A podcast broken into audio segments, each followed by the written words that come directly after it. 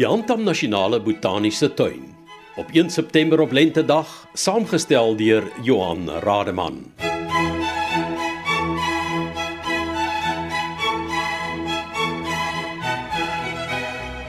Dr. Mordey Du Plessis van die WWF. Dis nie elke Suid-Afrikaner wat regtig weet wat se weelde ons het in ons biodiversiteit nie. Die Sukulente Karoo wat 'n uitstaande semi-aride of woestynagtige streek is. Dit sluit Namakwaland en ook die Klein Karoo in. Het uh, bykans 6.500 vetplant en plantspesies. En dit maak dit absoluut uniek. Jy kan nie in enige soortgelyke reënval streek enige plek in die wêreld hierdie tipe van diversiteit kry nie. Dit is absoluut ikonies.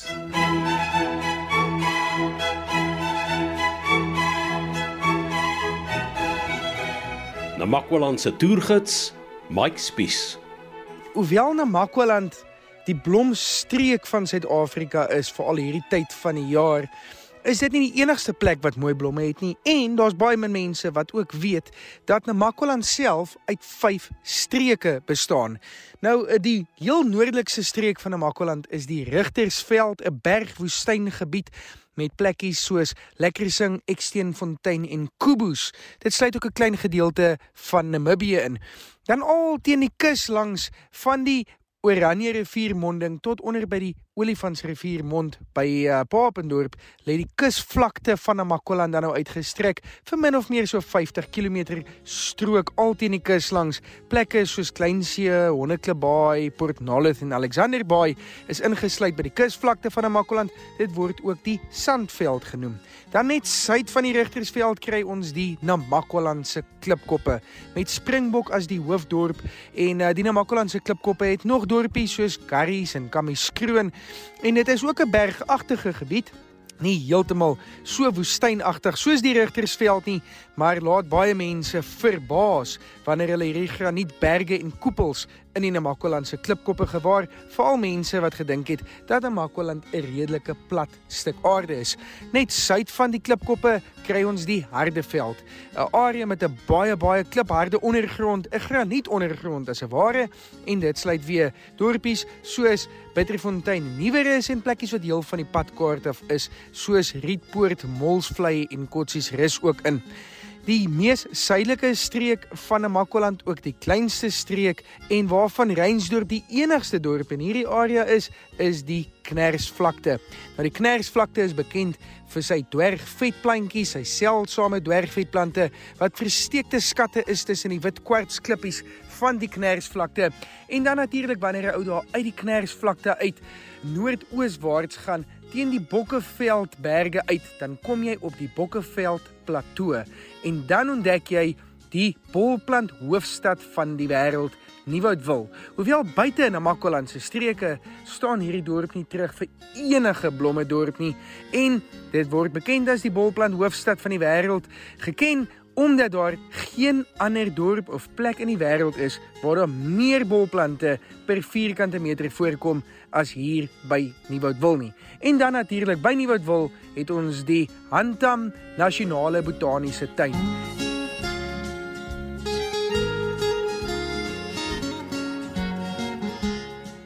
Die grootste botaniese tuin in Suid-Afrika. En Eugene Marinus was vir meer as 10 jaar lank werksaam en ook kurator van die Handam Nasionale Botaniese Tuin. Wat my baie opgewonde maak oor dit is dat ek het hierdie plek van 'n spogplaas Marinos, hulle het gekonsentreer op Marinos. Ek het hom gevat en hom ingewerk oor die jare sodat ons nou kan sien wat ons vandag hier sien. 'n nasionale botaniese tuin. Dit is die eerste vir die Noord-Kaap en soos jy gesê die grootste in Suid-Afrika en miskien ook die grootste in die wêreld. So hierdie plek is so na in my hart en om elke jaar te sien dat hierdie stofbol, want as jy kom in Desember, dan sien jy net stof. So dat hierdie stofbol in 'n oase verander, eers groen en dan het hy die verskeidenheid van kleure wat dit is elke jaar 'n wonderwerk vir my. Al is ek al die afgelope 14 jaar hier, Dit is net elke jaar 'n wonderwerk. Elke jaar is daar net iets nuut en iets beter.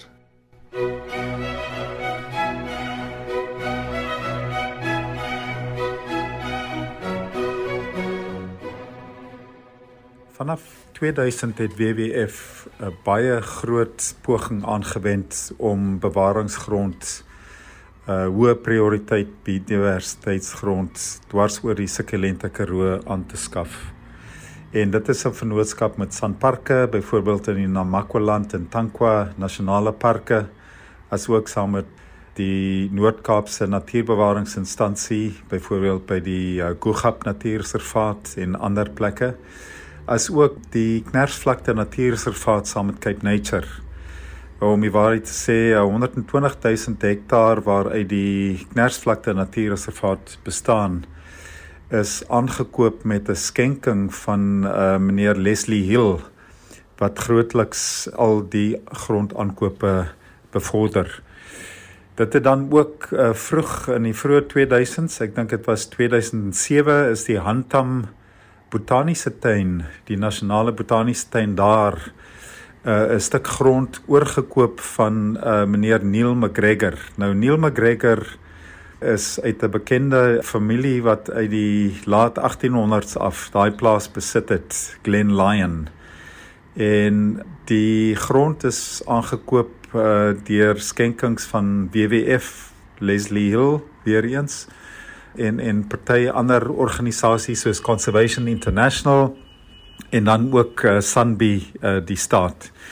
En daardie botaniese tuin is natuurlik nie 'n mensgemaakte tuin nie. Dit is 'n tuin wat natuurlik oor 6000 hektaar bestaan en absoluut die moeite werd is om te besoek.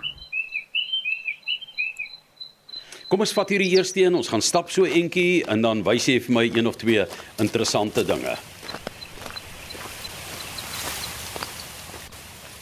Ons is nou hier op pad nommer 1 uit die 9 wat jy kan kies. Ons het nie 'n fietsie, ons het maar net so entjie ingestap. Eugene Marinus is die stigterskurator van die Antam Nasionale Botaniese Tuin vir meer as 25 jaar by die Suid-Afrikaanse Nasionale Biodiversiteitsinstituut en hy ken plant en dier, fauna en flora. Ja, Johan, jy moet nou en die luisteraars moet onthou, Namakwa-land is 'n semi-ariede area.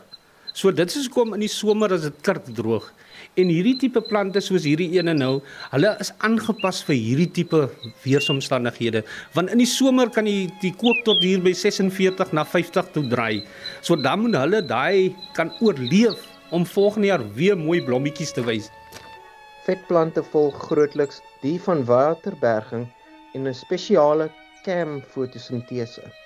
Hulle werk so spaarsamig met die water wat hulle kry dat sukkulente deur droogtetye aan die lewe kan bly. 'n Verdere aanpassing wat veral die mesums, oftewel die vygie familie so suksesvol maak, is hoe hulle hulle saad stoor en uiteindelik vrylaat. Vygies het hidroskopiese kapsules wat in die teenwoordigheid van water oopmaak. Reendruppels laat die kapsules opswel en oopmaak. Dan word die klein saadjies deur die waterdruppels uitgespat en val op die grond. Die strategie het doel dat saad slegs vrygelaat word wanneer toestande vir ontkieming en vestiging van saailinge ideaal is.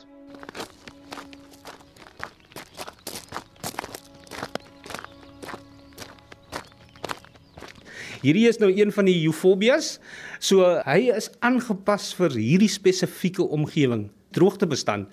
As hy in die somer hier kom dan lyk dit of hy naby dood is, maar kom hy weer in die lengte na die winter.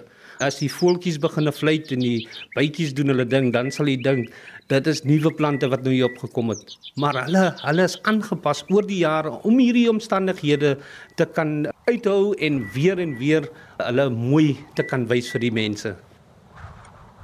Die sukkulente Karoo, Namakwa, fynbos en renosterveld biome kom almal by een in hierdie area, elkeen met sy eie gemeenskap van spesies.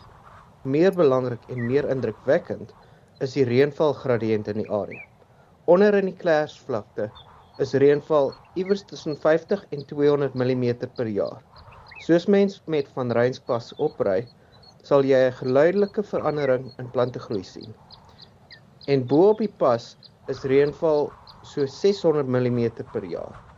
Binne 20 km oos van die pas, dis kan Nieuwertwil, is dit terug by 200 mm.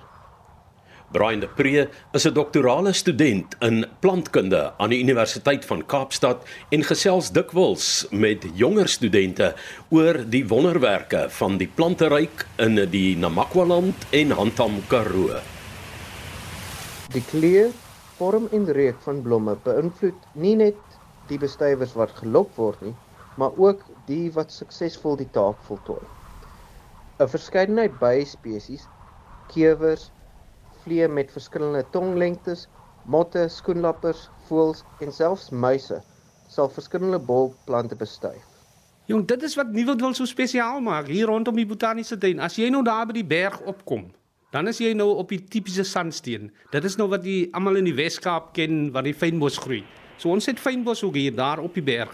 Maar as jy nou nader aan die dorp kom, dan kry jy die terliet en dan ook die dollariet en die dollariet koppies. En as jy so klein entjie uit die dorp uit gaan, dan kry jy die Karoo. So in hierdie kort um, afstand, so 20 km radius, kry jy vier verskillende grondtipes. En op hierdie verskillende grondtipes is daar verskillende plantgroei tipes en dit is wat Nieuwoud wil baie spesiaal maak. Maar verder ook, as jy nou kyk na die verskillende grondtipes en die verskillende plantgroei tipes, Hulle stop nie in 'n reguit lyn nie. Jy sal nêrens in die natuur 'n reguit lyn sommer sien nie. So daar wat hulle in mekaar inskakel, dit is waar al hierdie spesiale plante groei. Dit is die oorgangsfases. So al die spesiale plante en goed groei in daardie areas hier om die dorp. In die Handam Nasionale Botaniese Tuin is daar natuurlik verskeie voetslaanpaaie wat 'n mens uh, kan aanpak met 'n gids of uh, met jou um, plant en voelboek. En dan uh, as jy daar stap op die regte tyd tussen Augustus en Oktober, dan kan jy plante sien met name soos viooltjies, gemsbok, horingkies, moederkappies, irisse, kalkoentjies. Wat 'n lieflike volksmondname is gekoppel aan hierdie plante. Wat uh, min mense weet van die bolplant verskeidenheid wat uh, bestaan binne in die Handam Botaniese Tuin is dat dit uh, natuurlik ongeëwenaard is elders in die wêreld, maar meer belangrik in terme van die ekologiese funksie binne in daardie tuin is dat die eystervark as 'n uh, landskapsingenieur rondloop En as hy daai bolle omdolwe, beteken dit dat dit ruimte skep vir nuwe plante en saad om wortel te skiet. En so die stimulasie, die stimulering wat gedoen word deur die omdolwe van daai bolplante deur die eystervarke is wat die ehm um, diversiteit binne daardie omgewing baie hard dryf. So 'n mens moet aan die eystervark miskien dink soos ek gesê het as 'n landskapsingenieur, die ou wat eintlik tuin maak daar vir ons. Ehm um, die Noord-Kaap is die grootste provinsie, maar dit het die minste mense per area. So daar's eintlik meer eystervarke in die Nieuwoudtville area as mense in die Noord-Kaap. Ek weet mense kla altyd dat die eystervarke skep probleme, hulle grawe gate vir al die mense wat naby die stede en so bly. Hulle het altyd 'n probleem dat die eystervarke vreet hulle bolplante in hulle tuine op. Maar hier in Nieuwoudtville area, veral hier in die botaniese tuin, word hulle beskerm en hulle is eintlik een van die tuinmakers van die natuur. So baie van die plante is aangepas dat die eystervarke hulle kan um, versteur of van hulle vreet en so. So dit is 'n baie unieke proses wat hier aangaan en Die eystervarke is al vir jare hier. Die blomme is vir jare hier. Baie van die van die mense vra gewoonlik maar nou gaan die eystervarke nie veroorsaak dat die bolle uitgewis word nie. Hulle werk al vir honderde jare saam. Soos ek gesê het, hulle is die hulle is die beste tuinmakers in die omgewing. 'n Klassieke voorbeeld is die evolusie van blombuislengte om by die lengte van spesifieke langtongvliegspesies aan te pas. Blombuise kan enigiets van 'n paar millimeter tot 9 cm lank wees. Spesialisasie rondom een bestuiver verminder die kans vir kruisbestuiving tussen soortgelyke plante en bevorder die isolasie en ontwikkeling van nuwe spesies. Die langtongvliee is verskriklik interessant met hulle lang tonge en hoe hulle kan vlieg en blomme bestuif met so 'n lang voorwerp op hulle neus. Hulle is baie diverse groep en een van die spesies wat in die nuwer wil omgewing voorkom is 'n paar jaar terug ontdek en beskryf en benoem na Eugene Marinus van die Handam Botaniese Tuin. Uh, Daar's baie baie van die plante hier wat so sulke interessante interaksie met die bestuivers het dat as jy net deurstap of net deurry en jy stop nie vir 'n oomblik en waardeer 'n bietjie nie, dan sal jy alles mis. Want soos die langtongvlieg, die eerste foto wat ek geneem het van die langtongvlieg het my omtrent 'n uur gevat om 'n perfekte foto te kry. Maar toe kon ek waarneem presies hoe hy sy langtong in die kelk insteek, hoe hy opsuig, opvlieg en na die volgende blom toe gaan.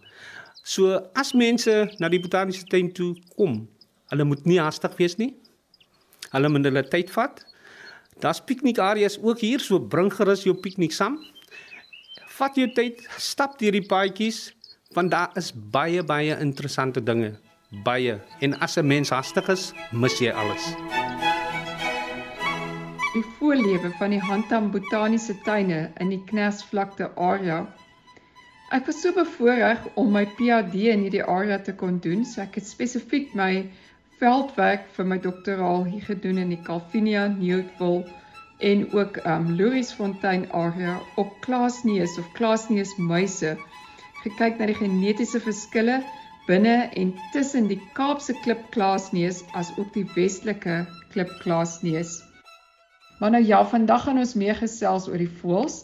En dit is nogal moeilik want nou die voëls wat in hierdie area voorkom is bietjie meer van die bruiner, kleiner voeltjies, bietjie moeiliker om te identifiseer, maar vreeslik baie gesog omdat hulle meestal endemies is tot Namibië en tot Suid-Afrika en voorkom in die droë suidwestelike dele van die land. En wat dit ook baie interessant maak is dat in hierdie area die habitat van die renosterveld en fynbos met die sukulente Karoo aansluit en dit maak dat ons eintlik baie 'n ryk voorlewe in die area het en baie interessante spesies daar vind. Ag so sommer net 'n vinnige oorsig dan oor 'n paar spesies en ek gaan sommer begin spesifiek met 'n langstertjie. So die eerste enetjie is die Namakwa langstertjie met sy beskrywende naam, enig in sy genus, lyk baie soos 'n Karoo langstertjie. Dan is daar ook die rooi oor langstertjie en hierdie spesies kom in droë rivierlope veral voor. Is ook enig in sy genus en groepeer deesdae volgens taksonomie saam met die tintinkies. Ander van hierdie bruine voeltjies is die Karoo leeuwerik, die Kaapse klappertjie en ook die slangverklikker. Dan nog van ons kleiner voeltjies, maar wat meer in die rotsagtige areas voorkom, is die baie gesogte kaneelborssanger wat ook endemies is tot Namibië en Suid-Afrika. En wanneer ek praat van hierdie kleiner spesies, praat ons regtig van voeltjies wat maar ongeveer 10 tot 13 gram weeg. In hierdie rotsagtige gebiede, rotskoppies, is daar ook die grysstryk tik en die piek chow chow grysmees omtrent om jou tong te laat knoop, maar tog so beskrywend in ons Afrikaanse taal. Dan is daar ook twee drawertjie spesies, die dubbelband drawertjie en die bloukop drawertjie. So die drawertjies kom voor in oop areas wat onlangs gebrand is of geploegde land en selfs oorbewyde areas. Nogal moeilik om te sien, maar regtig pragtige voeltjies.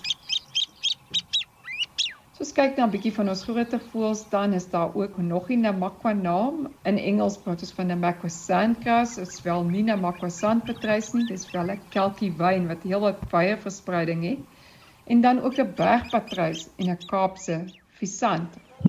Ons het dan nou tot dusver al 152 verskillende voëlspesies hier waargeneem. Ek het al eendag by my kantoorvenster uitgekyk, toe tel ek omtrent 180 bloukraanvoëls. En dit is ons nasionale voël en daar was 'n tyd wat hulle so skaars was en vir my was dit so 'n 'n opgewonde oomblik toe ek hulle daar sien en ek moes 'n foto vat om hulle te tel op die foto want dit was vir my net oorweldigend. Dan kyk na ons roofvoëls, is dit regtig so goed om te sien hoe baie roofvol spesies in hierdie area voorkom wat eintlik 'n baie goeie teken is van hoe goed dit nog gaan met die ekosisteem. So net om 'n paar roofvols te noem, witkruisarend wat kwesbaar is op die rooi lys, sekretarisvoël wat bedreig is op die rooi lys en dan die witkruisvleivalk ook bedreig op die rooi lys, kom net in Namibië en Suid-Afrika voor. En ons skat dat daar net ongeveer 1300 van hierdie volwasse endemiese roofvoëls oor is. Die witkruisvleivalk broei in die Wes-Kaap en dan het seisonale beweging, so dit spandeer ook tyd in ander dele van die land, selfs sover tot in die Vrystaat. Hulle word veral bedreig deur renosterveld en windplase, die verlies van habitat in renosterveld en dan ook direkte mortaliteit met windplase. Dan is daar ook die Ludwigse pou. Um baie goeie area vir poue en korane en dis die laaste twee spesies waarna ons gaan kyk. Ludwigse pou is ook bedreig om voor in die Namma en Sekelente Karoo, weer eens die droë westelike dele van ons land. Hulle trek plaaslik agterreens en goeie kos, eet veral sprinkane en wanneer daar hoë reënval is en die veld net pragtig is, kan jy selfs soveel as 200 Ludwigpoue op een slag sien. 'n Bedreiging vir hierdie spesies is ons kraglyne. Hulle vlieg vas in hierdie kraglyne. Dan die laaste spesies wat ek wil uitlig is die swartvlek koraan wat endemies is aan Namakwaland, kom in die Noord-Kaap, Wes-Kaap tot sover as in die Oos-Kaap voor en verkies ook oop natuurlike habitat. En 'n bedreiging vir hierdie spesies het weer eens is veral 'n verlies aan habitat um, aan landbouaktiwiteite en 'n bekommernis vir die voortbestaan van die spesies. Ek is Annelien Smit Robinson van BirdLife Suid-Afrika. Wat die botaniese tuin ook anders maak as al die ander botaniese tuine in Suid-Afrika, as ons nou spesifiek van Suid-Afrika praat, is dat die Antam Botaniese Tuin is eintlik gestig en konsentreer op langtermyn ekologiese navorsing word gebruik as 'n standplaas vir navorsers wat op ekologiese navorsing en met 'n fokus op aardverwarming. So die botaniese tuin word gebruik deur navorsers van reg oor die wêreld.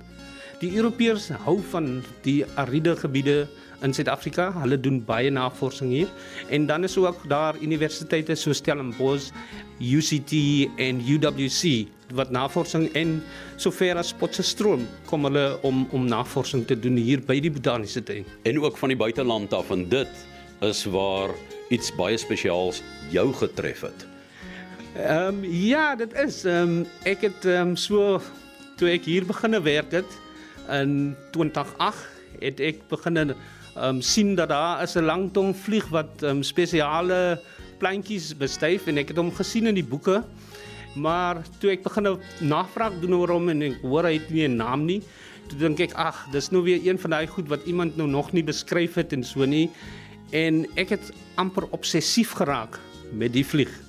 Ek het alles dopgehou, ek het hom omtrent afgeneem op elke plant wat hy bestuif en fotos rondgestuur op sosiale media ook oral. En toe het daar 'n navorser kom navorsing doen op die langtong vlieg. En voordat hulle hulle bevindinge kon publiseer, moes hulle die vlieg 'n naam gee. En ehm um, hy het nie nog twee keer gedink nie.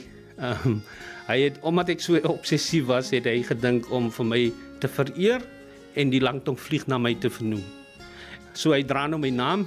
Uh dit is Prosuka marinesi of sommer Eugene se vlieg soos my familie maar nou sê. Die Antam Nasionale Botaniese Tuin, die grootste botaniese tuin in Suid-Afrika en die enigste in die Noord-Kaap, is op Lentedag in RSG se dokumentêre seisoen saamgestel en aangebied deur Johan Rademan.